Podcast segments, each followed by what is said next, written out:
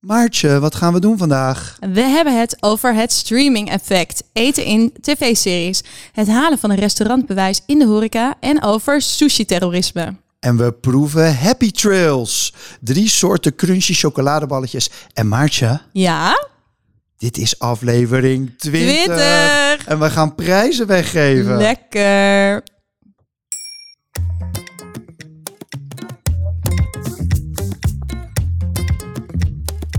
Professionele eters Maartje Nelissen en Gijsbrecht Brouwer vreten zich sneller door het laatste foodnieuws dan door een zak M&M's. In Back Lekker de podcast delen ze om de week wat hun smaakte, verbaasde en irriteerde. De lekkerste ontdekkingen, licht verteerbare eetweetjes en verse trends. De foodpodcast voor iedereen die beter kan eten dan koken.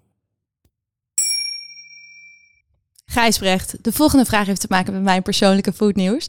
Maar welke vraag komt er altijd na deze zin? Bent u wel eens eerder hier geweest? Ja, ik ken jouw irritatie rondom dit thema. Ehm, en ik weet ook wel welke zin dan, dan meestal komt. Nou, nou. Omdat wij ook wel samen uit eten gaan.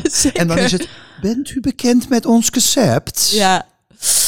Ehm, ja, hier bestaat natuurlijk maar één antwoord op. En Ja. dat is shared dining. Eh, en ik heb er oprecht een enorme haat-liefde verhouding mee. Als in met sommige mensen kan ik dat heel goed. Eh shared dining, eten delen, allemaal verschillende gerechtjes bestellen. En met anderen werkt het gewoon niet. Ja, ik heb zelf, ik ben natuurlijk een beetje van de experience generatie. Hè. Daar ben ik bij opgegroeid ook op, eh, op de studie. En ehm, ja, ik vind het op zich niet zo erg als er een concept is. Ehm, maar wel vind ik het fijn als het een beetje mijn concept is. Ja, misschien is dat het ook. Nou, ik, ik zal je even meenemen in het verhaal. Ik was vorig weekend met de man en goede vrienden eten bij restaurant Apollonia. Eh, goed gehypte restobar Zeker. op het eh, Amsterdamse marineterrein. En het helpt mee, heel zeker mee. Jij was er heel enthousiast over. En ik neem jou als medefoodie, eh, jouw smaak heel serieus. Maar ook, er was echt een lovende recensie van, eh, van Hiske Versprillen. En, en van Joël ook nog, broekaart. Ja, en dan moet ik, dat vind ik dus ook irritant van mezelf, maar dan moet ik er dus toch heen. Dan wil ik het Ja, gewoon ik vind toch het niet erg, heb ik geen, geen Nee, nou dan wil ik het gewoon toch even, even meemaken. Nou, sfeer was goed, leuke bediening, heel piepjong, eh, leuke kaart, maar inderdaad, we kwamen binnen. Bent u bekend met ons concept? Eh, het is shared dining en we adviseren zo en zo veel gerechtjes. Nou, en eh, wat was er nou aan de hand? Bij de voorgerechten ging het, ging het allemaal prima, dus ik was met vier vrienden. En heel eerlijk, oké, het ligt ook een beetje aan mezelf. Normaal eet ik echt op kindertijd. Als ik niet voor half zeven eet, heb ik honger. En we waren er gewoon voor eten, als je gaat ja, uiteten. ja, s- normaal doe ik dat ook. Ja. Had ik niet gedaan. Dus nou, we gingen om een uurtje of eh, acht, half negen lekker aan tafel met goede vrienden. Nou, eh, ze deden ook nog he- zo'n hele leuke hapjeskaart. Dus dat was top. Dus we hadden we lekker wat hapjes. Toen die voorgerechten en bij de hoofdgerechten ging het gewoon een beetje mis. Want die kwamen per stuk voor vier personen. Zonder garnituur, zonder bijgerechten en dan ieder half uur. Dat schiet natuurlijk niet op. Dus je had elk half uur had je één ding om te eten met z'n vier. Ja, één hoofdgerecht. En het waren echt, vooral de vega-gerechten waren echt fantastisch. Waren echt mooie gerechtjes. Maar dan heb je dus een mooi stuk knol met een lekkere hazelnoten beurre blanc saus. Maar dan denk je twee hapjes van je, van je knol. En dan denk je, ah, dit, dit was hem weer voor het komende half Ja, uur. precies. Ja, dat schiet Ja. op. Maar je hebt wel lekker gegeten dus. Ja, ik heb echt, echt lekker gegeten. Ik heb sowieso heel lekker gegeten de laatste weken. Ik was ook eh, twee keer, twee dagen achter elkaar lunchen bij Public Space in Amsterdam-Noord. Die zaak oprecht, ik wil er intrekken. De bediening, I love it. Sfeer leuk, leuke mensen, hele, hele lekkere kaart vind ik. Maar ik wou eigenlijk, dus daar werkt het op een of andere manier, werkt het voor mij beter. Ja. Maar ik dacht, hè, als we nou dat hele verhaal loslaten met, bent u bekend met ons concept? En we doen gewoon, zoals ook op die kaart bij Apollonia staat, gewoon eh, borrelhapjes voor, hoofd, na. Ja, ze En dan- en we doen niet te zeggen. Nee, dan denk ik, dan, dan had ik echt gewoon een Nee. topavond gehad. Ja, het, zit, het zet je bijna op het verkeerde been op die manier. Ja. En, en, en jij zat daar bij, bij Public Space. Kwam je nog iets tegen? Begreep ik dat? ja, bedankt voor het inkoppertje. Zeker. Ja. Ja, nee, eh, ineens afgelopen maand, ik ben het denk ik in drie zaken tegengekomen, dat je van die prachtige keramieke bordjes hebt en dat Ja. er ineens zo'n druppeltje goud op zit. Of dat je Oh, denkt, hé, hey, er zat een scheurtje en er zit een streepje goud. Ja, Oké, nou, ik weet precies waar het over gaat. Dat heet namelijk kintsugi. Het is Japans En het gaat een beetje uit van de gedachte dat dingen die eenmaal gebroken zijn, als ze daarna gemaakt zijn, eigenlijk nog mooier zijn. Dus zij pakken letterlijk de scherven bij elkaar. Ze lijmen ze met een soort gouden lijm, vaak goud, soms zilver, meestal goud. En maken er dan een nieuw, of eigenlijk hersteld bordje van. En dan krijgt het meer waarde. Dat is het idee, toch? Dat is het. Het is nog Ja. mooier dan het daarvoor was. En het is, vind ik ook eens een hele sustainable gedachte ook. En het heeft ook iets, iets, iets, ja, iets romantisch, vind ik. En ik heb er dus zelf ook een soort van, nou, ik maak er maar mijn persoonlijk eetnieuws van, een, eh, een, een romantische gedachte bij. Omdat ik een keer een, een tijdje een scharrel had en die was kunstenaar. Die zat een keer bij mij te eten en toen brak, ik heb niet heel veel mooi servies thuis, maar één mooi Pools keramieke servies en daar brak een schotel van. Ze zei, oh, dat neem ik wel mee. En zij ging dat dan thuis zo helemaal zo lijmen en zo. Aha. Dus ik gaf dat allemaal keurig met haar mee naar huis. En je raadt het natuurlijk al. Nooit meer teruggezien. Nee, een maand later heb ik haar nooit meer gezien. Dus toen was dat ding. Ah. Ja, die, ja, die. Dus ik heb daar op zich wel een mooi eh, afsluitend gevoel bij. Want ik denk of hij is gemaakt en ze heeft de energie erin gestoken. En dan leeft hij nu in haar huishouden Ja. voor. Of ze heeft Of- het gewoon weggeflikkerd. ze heeft gewoon weggeflikkerd. Nou ja, een van die twee. Nou, ik vind, het, eh, ik vind het wel heel symbolisch. Moeten we nog even een oproepje naar haar doen of ze hem een keer terug kan brengen? Nee, nee, is wel goed zo. Lieve luisteraars, dank je wel weer voor het luisteren. Het is een bijzondere aflevering, namelijk nummer 20 van Backlekker de podcast. En dat maakt dat we een giveaway hebben. Wij geven een van onze Backlekker de podcast truien weg.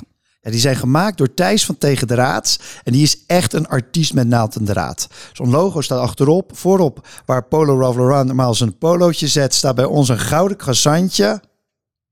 Ja, nou wat moeten luisteraars eigenlijk doen om die trui te winnen? Nou, ga naar Instagram of LinkedIn en laat ons weten wie volgens jou deze trui moet winnen. Tag gewoon iemand die deze moddervette trui verdient. Lekker. En het mooiste is, we kunnen ook nog drie pakketten weggeven van Happy Trails met die super lekkere crispy chocoladeballen. Dan is het nu tijd voor Foodnieuws.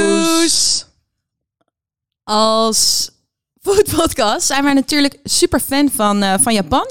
En we hadden het in aflevering 6 kwamen we al een keer op Japan. Namelijk bij de overheidscampagne die Japanse jongeren opriep om meer te drinken. Viva sake! Viva sake! En nu hebben we weer heel bijzonder nieuws. Eh, was moeilijk te missen. Eh, en het gaat namelijk over sushi-terrorisme, waar heel Japan van in de ban is. Ja, dan moet je dus denken aan van die sushi-zaken waar de gerechtjes alvast vooraf bereid worden en dan op zo'n lopend bandje over een soort bar voorbij komen. En dan pak jij gewoon het bordje waar jouw favoriete sushi op staat, Wie- pak je eraf en dat eet je op. En als je geen zin hebt, dan laat je hem gewoon lopen. Ja, wist je trouwens dat dit in het buitenland de sushi train heet? Dat vind Nee. ik echt veel leuker klinken. Ja, zeker. Topnaam, Ehm, sushi train. Oké, dus Maar dus terug naar Japan. Wat is er nou gebeurd? En, eh, en uiteraard, waar loopt TikTok van over? Tieners en twintigers die aan zo'n lopende band zitten, die gingen die sushi aflikken en dan terugleggen op de band. Of sommigen waren zelfs zo brutaal dat ze een, een sigaretpeuker in terugstopten. Of dat ze hun vingers aflikten en dan met hun vingers over die sushi. oké. En wat gebeurt er dan? Die Nou, sushi dan die rolt dus een virale TikTok-video. en de sushiband rolt vrolijk verder. En dan zit daar je niets vermoedende buurvrouw, buurman in het restaurant. En die, die eet het gewoon op. Ja, ik vind het echt heel vies. En sushi-restaurants hebben, ja, het, het heeft gewoon echt Japan in de ban. Hè? Dus er Zeker. Een hoop van deze zaken hebben gewoon minder gasten. Want Japanners die pikken dit niet. Die zeggen, ja, ik ga niet ergens sushi eten als iemand anders met zijn vingers er al in heeft gezeten. En dat snap ik ook wel. En, want zo gaat het met TikTok. Ja. Als je iets op TikTok zet, dan kunnen ze je natuurlijk oppakken. Dus de Japanse politie heeft al drie mensen in de leeftijd tussen 15 en 21 opgepakt. Weet je wat ik denk nog het allergoorste vond?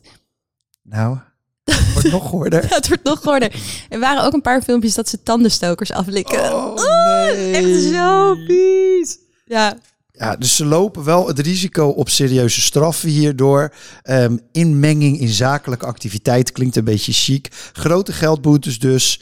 En ehm, ja. ehm, ja, ik zou je wel eerlijk zeggen. Ik denk dus als ik een 19-jarige Japanner was geweest. nee, nee, nee, nee, nee, Ja, nee, ja, Maartje. ja, ja, ja. Nee, Maartje Nelissen. Ik had dit heel grappig gevonden. Nee, ik ben echt niet vies van dingen. En ik heb een hele ruime 10 seconden regel. Weet je, het maakt mij allemaal niet zo heel veel uit. Maar echt een of andere puber. Weet je wel, met van die pukkels. Die net de heeft uitgevonden. Ja. Die dan twee stoeltjes oké. verderop aan de bar zit. Nee, echt niet Ik zou het inmiddels ook niet meer doen of je moet met 15 zaken eh, voeren.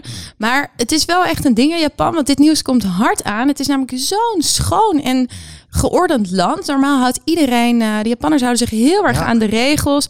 Traditioneel eten is bijna heilig. Ja, dus heb, je, heb jij wel eens aan, aan zo'n lopende band gegeten? Want in Rotterdam weet ik, een van de eerste sushi-tenten die we hadden aan het Schouwburgplein, die had dat dus.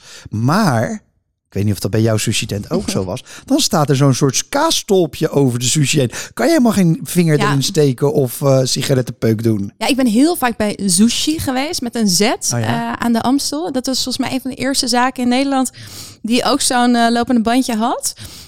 Nu alweer een hele tijd niet geweest. Maar eigenlijk, hè, wat ons ook dit nieuws bracht, het is dat, dat sushi-bandje, hè, dus die sushi-train, het is gewoon ook een soort buffetvorm, hè?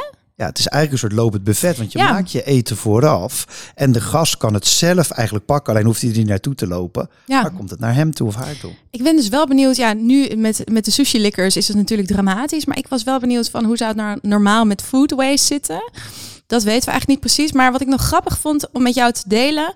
Wist jij dat die lopende band sushi in 1958 is uitgevonden vanwege toen ook personeelstekorten? Het is echt een heel grappig verhaal. Dus Niks de uitvinder, ja, dus het komt gewoon, al, de geschiedenis eh, herhaalt zichzelf. Nou, die uitvinder die zag namelijk eh, in de Japanse bierfabriek Asahi. Oh, lekker bier. Ja, het is lekker bier. Hè? Ik vind Ja. dat ook echt top bier. Heel fris. Eh, daar zag hij van die flesjes bier zo op zo'n lopend bandje voorbij rijden. En toen dacht hij, hey, dit kan ook met sushi. Dan heb ik veel minder mensen nodig. Ja, nee, ik snap dat wel. En dus, ik vind lopend buffet is ook niet een van mijn favoriete manieren. Ik heb liever, en net als met de shared dining, doe gewoon eten voor mij, weet je. En Ja. ehm, aan de andere kant denk ik, als je zo'n stolpje eroverheen kan zetten. Oh, daar waren we. toch Ja. wel iets kunnen verzinnen hier tegen. Ik bedoel, wat zou jij... Doe eens even een goede oplossing tegen sushi-terrorisme, Maartje. Nou, ik dacht, het is natuurlijk ook niet meer leuk als je het niet kan filmen. Dus misschien moet je zeggen, iedereen die aan de band gaat zitten, die moet zijn telefoon Ja, inleveren. lijkt me ook prima. Of gewoon likpolitie. Ja, nou, jij liever dan ik. Laten we snel door. Hey Gijsbrecht, als jij jezelf nou een cijfer mag geven, laten we zeggen tot zover in 2023, als gast in de horeca, waar kom je dan op uit? Wat voor, wat voor soort cijfer? Gewoon zo'n rapportcijfer? Of Ja. heb je andere ideeën erbij? Nou ja, jij, jij bent natuurlijk ook zelfstandige, dus de kans dat jij met jezelf een jaargesprek hebt is best klein. Oh, je gaat me even evalueren op dit moment. Eh. Heb je nog een bepaalde voorkeur voor de methode? Of Nou, weet je wat ik dacht dat misschien wel toepasselijk is? Ken jij de sandwich methode? Dat nee, je nog nooit begint van gehoord. echt niet met iets positiefs. En dan doe je zo'n verkapt verbeterpunt en Oh dan ja. eindig je weer positief. Oh ja, zo doe ik het ook altijd trouwens met mijn collega's. Ehm, nou, laat ik zeggen, positief is dat ik ehm, wel echt oprecht geïnteresseerd ben altijd in de, in de personeel en in de bediening. Dat ik ook echt wel heel vriendelijk daar ben, naartoe ben.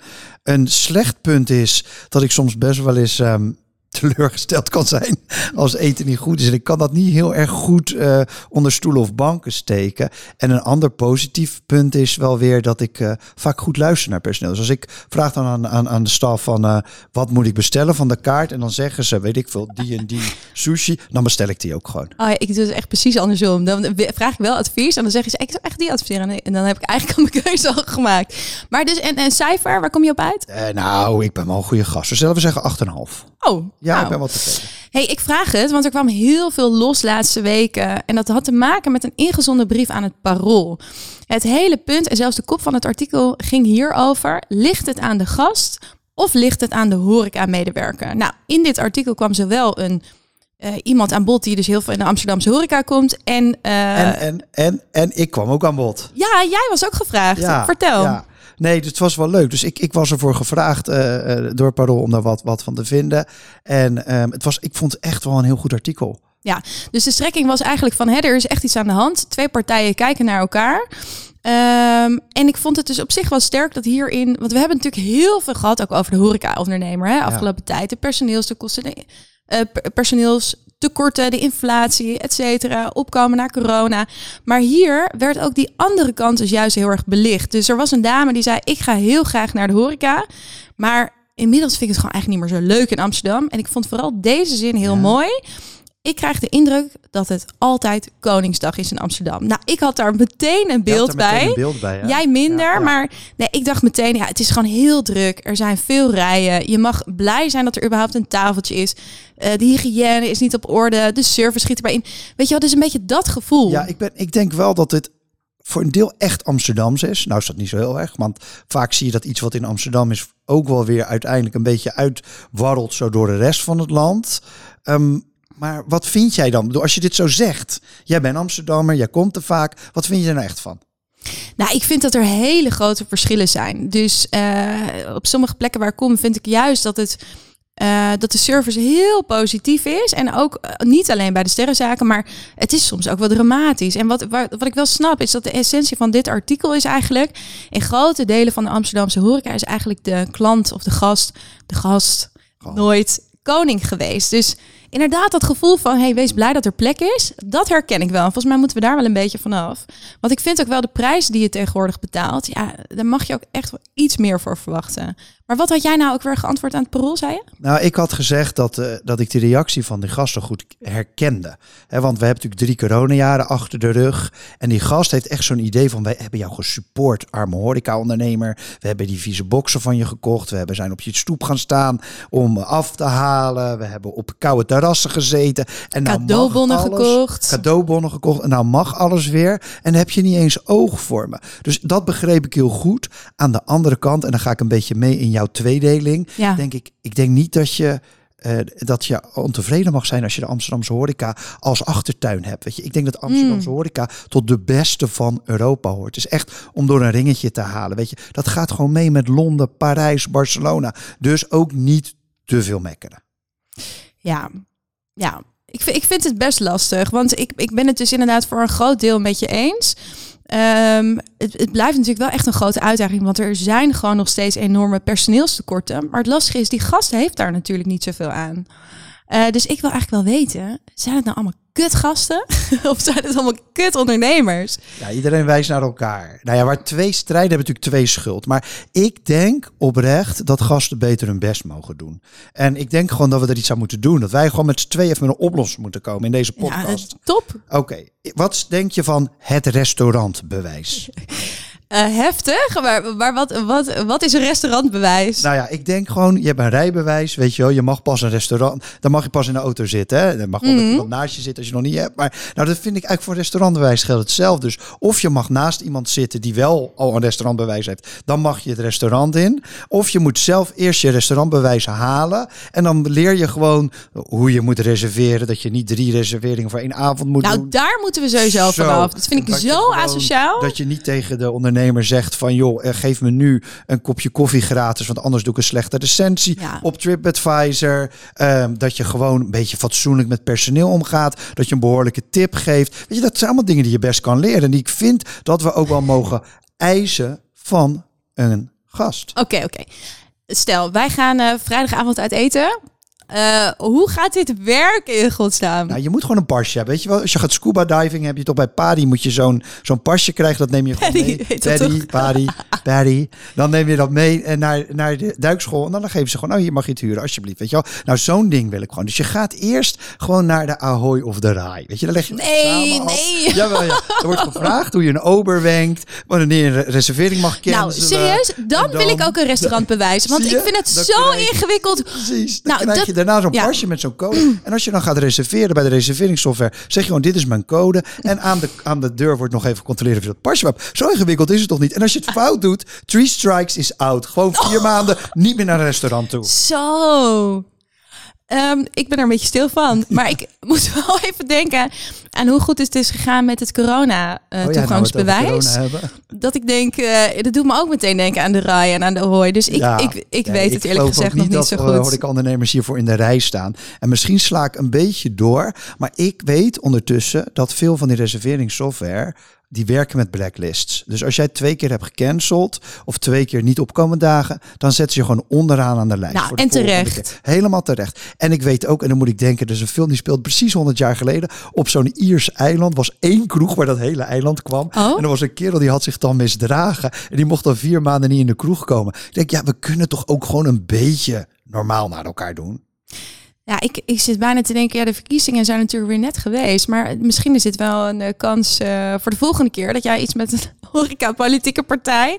Nou, anyway, eh, volgens mij moeten we even een expert erbij halen. Hoog tijd voor een expert erbij te halen. Ik stond in de, in de parool ook met Wouter Verkerk. Wouter Verkerk is, is echt ja, eigenlijk de horeca-goeroe van Nederland. Gastvrijheid-goeroe uh, van Nederland. En die heeft echt ook wel goede visie op hoe gedraag je je als gast. Maar ook wat moet een ondernemer nou doen om het meest, uh, ja, het, het leukst voor de gast te zijn. Ja, en ik dacht even twee dingen nog citeren van zijn eigen website. Hij heeft twee boeken geschreven, of hij heeft heel veel boeken geschreven.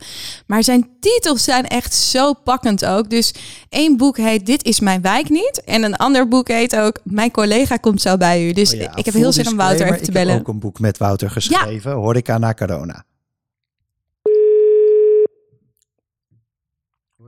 Ja. Met Wouter. Hey Wouter, met Maartje en Gijsbrecht.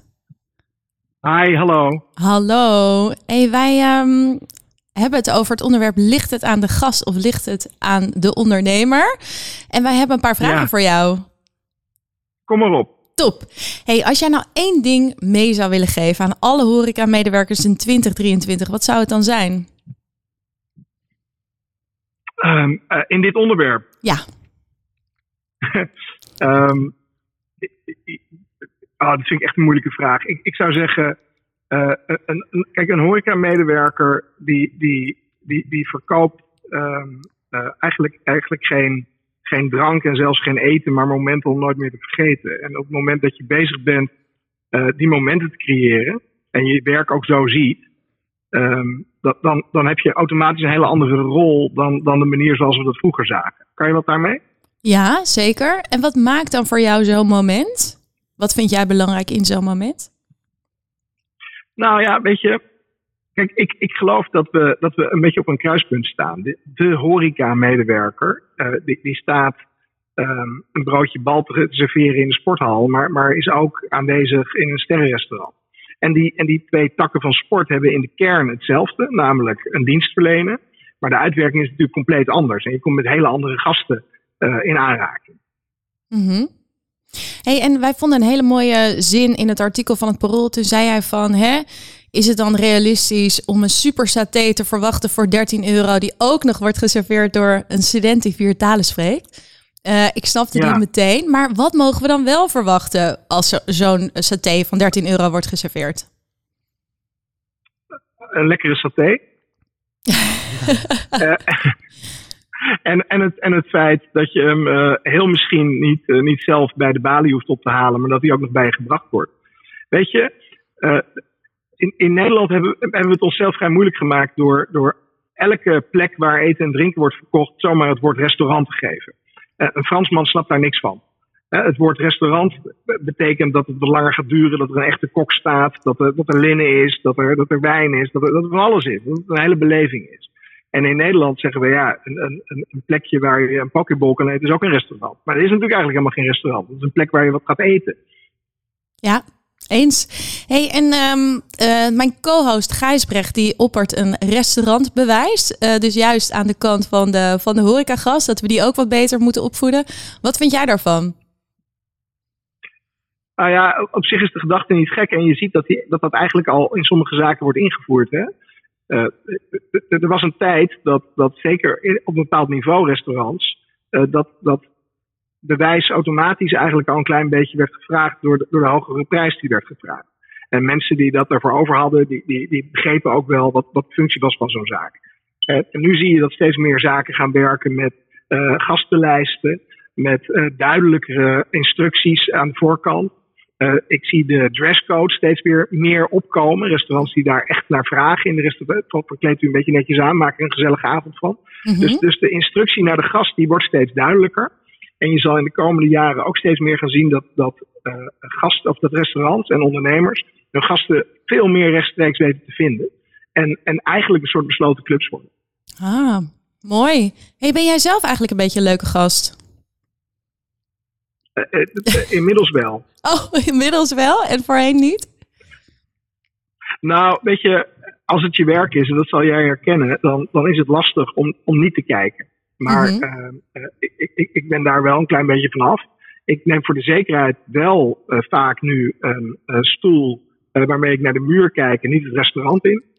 Ehm, eh, zodat ik ook wat, wat oog heb voor mijn gezelschap. En, en, en uiteindelijk ehm, ja, het niet, niet vervelend wordt. Of in ieder geval mijn, mijn avond niet laat bederven door dingen die niet goed gaan. Omdat ik ook steeds helderder heb van, van wat, wat kom ik hier nou kopen? Is het bad, het eten en drinken? Dan heb ik Mhm. helemaal geen kritiek op wat dan ook. Komt er ook hoe bij? Dan komt er een beetje beleving bij. Betaal ik wat meer. Zijn mijn verwachtingen wat hoger? Komt er ook servicebelofte bij? Nou ja, dan is die kipsaté inmiddels 23,50. Eh, ja, dan vind ik het wel irritant als, als dingen lang duren of mensen dingen vergeten.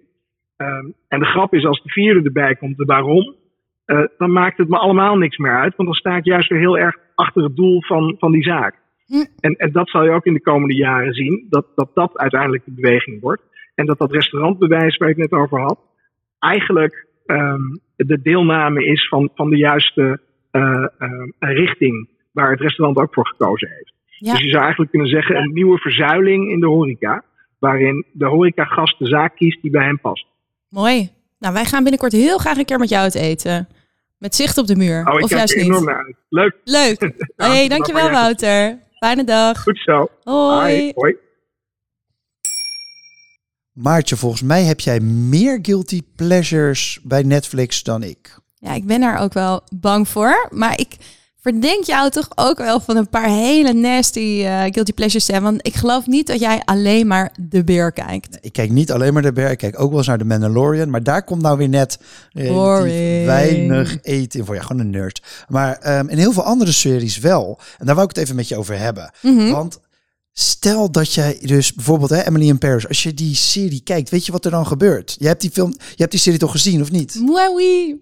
Oh, Bien sûr. Zeker. Ja, nee, ik vond, ik vond Emily in Paris echt genieten. Eh, totaal onrealistisch met de meest theatrale en eh, ja, hysterische outfits. Hoe snel heb jij die serie meestal uitgekeken? Zijn nu drie, drie seizoenen? Hoe lang doe je daarover? Ja, echt maximaal drie dagen per seizoen. Oké, nou mensen die onder de steen leven, je hebt dus Emily in Paris, dat is dus speelt in Parijs. In Parijs. Hè, dus Parijs wordt heel aantrekkelijk neergezet. Als in je wil er echt meteen naartoe. Die is, het gaat eigenlijk niet over Emily, het gaat eigenlijk over Zeker. Parijs, laten we eerlijk zijn. En zij gaat dus dan, zij werkt bij zo'n marketingbureau. En ze gaat elke keer met collega's en vrienden gaat ze of ergens eten of gaat ze shoppen. Of, dus je ziet continu eten in die serie. Ja. Nou, en er bestaan dus inderdaad complete lijsten met spots zoals restaurants, maar ook musea en opnamelocaties. eh, waar eh, ze dus hebben gefilmd. En met name ook op het gebied van eten en drinken. In Parijs staan dus nu altijd rijen bij de Die plekken waar zij iets, daar iets heeft opgenomen. Dus bijvoorbeeld bij Boulangerie Moderne uit Oh, seizoen jee. 1. Mateloos populair nu voor iedere toerist die dus Emily in Paris heeft dus gekeken. nog verder, want zij heeft op een gegeven moment ook Royale drinkt ze dan met collega's. En dan heeft ze geen idee wat dat dan is. Ja, En dan leggen haar collega's dat uit. Ja, die collega's die zeggen inderdaad, eh it's champagne, but then fruitier. Ik vind het allergrappigste en het meest onrealistisch in deze serie is hoeveel Fra- eh, Engels haar Franse collega's praten. Maar de kern eh, is het volgende. Het gaat er natuurlijk om. Emily verzint voor dat marketingbureau Savoir, waar zij voor werkt, verzint ze voor die Kier Een fantastische Oh, er komt een campagne. fantastische campagne. Dus je ziet inderdaad Key Royale in die serie. Nou, en dan denk je dat is leuk. Misschien ga ik het een keer proberen. Nee, dat gaat nog verder. Ik krijg dus vervolgens, als dat in die serie zit, een weekje later, twee weken later, krijg ik een persbericht van de Kuiper. Zat, nou, jullie hebben vast gezien in Emily in Paris, drinken ze Key Royale. Is het niet hoog tijd dat jij onze crème de cassis, want dat gaat dan door die champagne heen, hè, dat je onze crème de cassis daarvoor gebruikt? Ja, ik vind het super slim dat mensen hierop aanhaken. Want het werkt dus wel echt. En het gaat nog verder in de serie The White Lotus. eh, die ervoor zorgde dat ze in het, na het eerste seizoen... dat er heel veel extra boekingen naar. Hawaii waren. In het tweede seizoen zitten ze op Sicilië. En nu zit Alles is iedereen... in Sicilië nu, hè, de komende jaren. Is dat echt zo, ja? Absoluut. Maar ook de Aperol Spritz. Want Ja. die wordt volop gedronken in dat seizoen 2. En het gaat zelfs zo ver dat er een Aperol tekort was in de VS. Vanwege de populariteit van deze serie. Ja, dat is echt bizar. En ik zat natuurlijk een beetje te kijken van, ehm, ja, gewoon tekort dus. Ik zat te kijken, hebben wij dit in Nederland nou ook gehad, weet je wel? En ik kwam eigenlijk niet verder dan eh, broodje bapau uit, eh, hoe heet het ook weer? Is, is het onze snackbar? Oh, jij? ja. Eh New Kids. New Kids. Ehm, maar ehm, ja, voor de rest kan ik me niet zoveel goede Nederlandse voorbeelden verzinnen. Internationaal zijn er wel toffe voorbeelden. Ja. Nou, ik dacht, zijn wij Nederlanders misschien gewoon te nuchter? Of hebben we dan toch te weinig intimiteit met eten? Of zeg maar die cultural heritage, dat het dan niet zo'n grote rol heeft in Nederlandse films en series? Want ik kwam ook op niks. Nou, ik, ik kon er, ik kon er niet op aan komen. onze luisteraars. Als jullie een goede Nederlandse serie of wat dan ook weten, waarvan wij denken van, nou, daar gaat iedereen van naar de, naar de winkel rennen, dan houden we ons aanbevolen. Laat het ons even Ja. weten.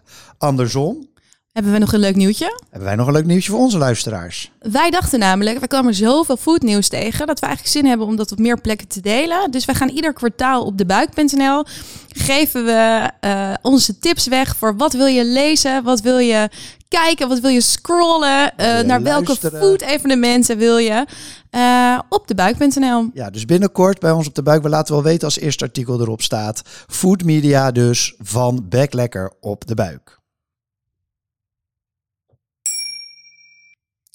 Kermis in je bek. Kermis in je bek.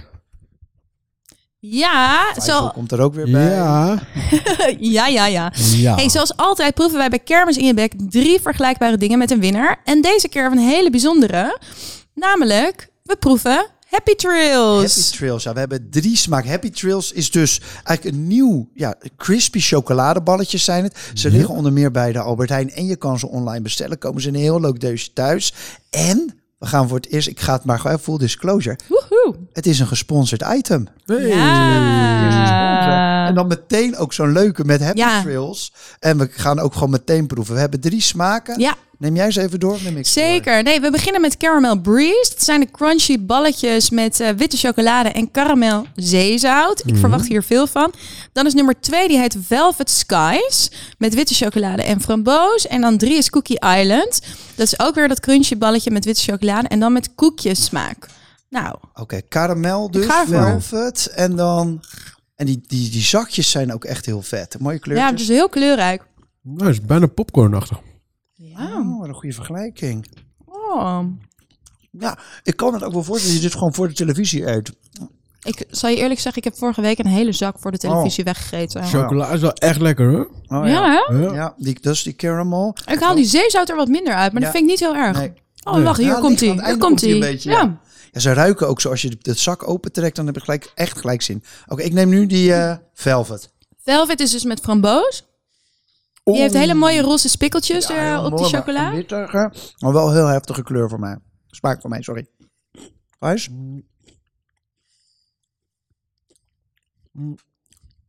Faisal kijkt bloedserieus. En zo is echt heel intens aan het proeven nu. Ik ga vast door hoor, naar de... Ja, echt, ja Hij is wel lekker chocola, fris, vind ja. ik. Ja. Wat zei je, Het Fais? proeft bijna naar kinderchocola. Kinder. Kinder. Oh, ja. Kinder. Nou, je proeft wel heel erg... wat- Weet je lekker. het heeft, het heeft iets heel ehm, fris. En daardoor doet het bijna denken aan knettersuiker. Dat klinkt een beetje Ja. gek. Oh. Maar omdat hij een beetje tintelt, die framboos. Ik denk dat hij ook een beetje, daarom ook die naam Velvet, gebaseerd is op de, op de vel, Red Velvet cake, zeg Ja. maar. Dat, die Hou je er ook wel... Ja, heeft hij wel een het beetje. is ook wel heel romig. Ja. Oké, En dan de laatste. Cookie Islands. Met koekjesmaak natuurlijk. Oh. Mm.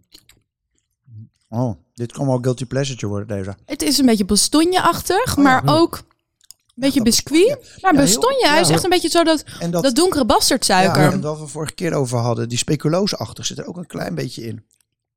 Ja, ik, jullie beschrijven hem helemaal precies wat ik proef. Nou, daar zijn we. Oké, Zijn we rond? winnaars, Maartje, ja, die laatste, die Cookie Island, vind ik echt heel lekker. Faisal. Ja. Ja, ik sluit aan bij Maartje. ik ook. Dus al de tweede keer op rij dat we het allemaal met elkaar eens zijn. Oh, nou, niet. Geweldig. Cookie Island wint. En jij kan ook winnen, want we kunnen deze dus drie keer weggeven. Eh, ga naar eh, onze Instagram, Backlekker de podcast, of naar LinkedIn. En dan zie je precies hoe het moet. Waar kijk je naar uit, Maartje? Nou, ik eh, mag met jou mee proefeten vanavond bij de River Bar. En ik, ik had je bijna afgezegd, want ik heb het echt heel druk. En toen heb ik het weer aangezegd. Ik heb je Want- bijna door de telefoon Ja. Zeg, Maartje, dit Nee, ik heb echt doen. ook heel veel zin om met je mee te gaan. En het leuke is, ik werd helemaal enthousiast van jouw enthousiasme. Ik heb ook nog helemaal niet op een menukaart gekeken. Ik ben ze niet aan het volgen nog. Dus ik ga er heel blanco in. En ik heb echt heel veel zin in. Ja, En ik jij? ben dus ook onwijs enthousiast. Want wij zijn dus, zitten dus nu met de buik midden in die Koningsdagcampagne. Ik heb vorige keer natuurlijk verteld Ja. dat ik door het, de majesteit mij behaagd heeft om hiervoor uit te nodigen. Ik heb dus ook officieel zo'n e-mail gekregen met het Koningshuislogo erop. En ik moet dus door allemaal van die screenings heen. Moet je ineens je, je Sophie-nummer of je Burger Social. Maar nog even terug, je bent uitgenodigd om dus Oh ja. Koningsdag te vieren. Ja, nou dat is dus. Wij doen een campagne met de buik. We gaan het Rotterdamse Koningsgerecht gaan we eh, vinden. Dus alle Rotterdammers mogen hun favoriete koningsgerecht bij ons indienen. Fotootje opsturen, receptje erbij. Hebben al tientallen gerechten hebben al binnen. Je kan nog meedoen als Rotterdammer. En de winnaar, het beste gerecht, dat gaan wij dan verkiezen. Dat mogen we dus uitreiken aan Maxima en Willem-Alexander op 22 Oh, april. cool. Maar ja, omdat ik daar dus geacht word bij te zijn, moet ik dus helemaal door die Door de controle heen. Dus ik ben ook bang dat er nu mensen van de, van de veiligheidsdienst op mijn afdeling, zeg maar, zo aan het kijken zijn, mijn flat in de gaten aan het houden zijn en zo. Maar misschien is het niet zo heftig. Dank je wel weer voor het luisteren. Dit was Back Lekker de podcast vanuit Bunk in Amsterdam-Noord.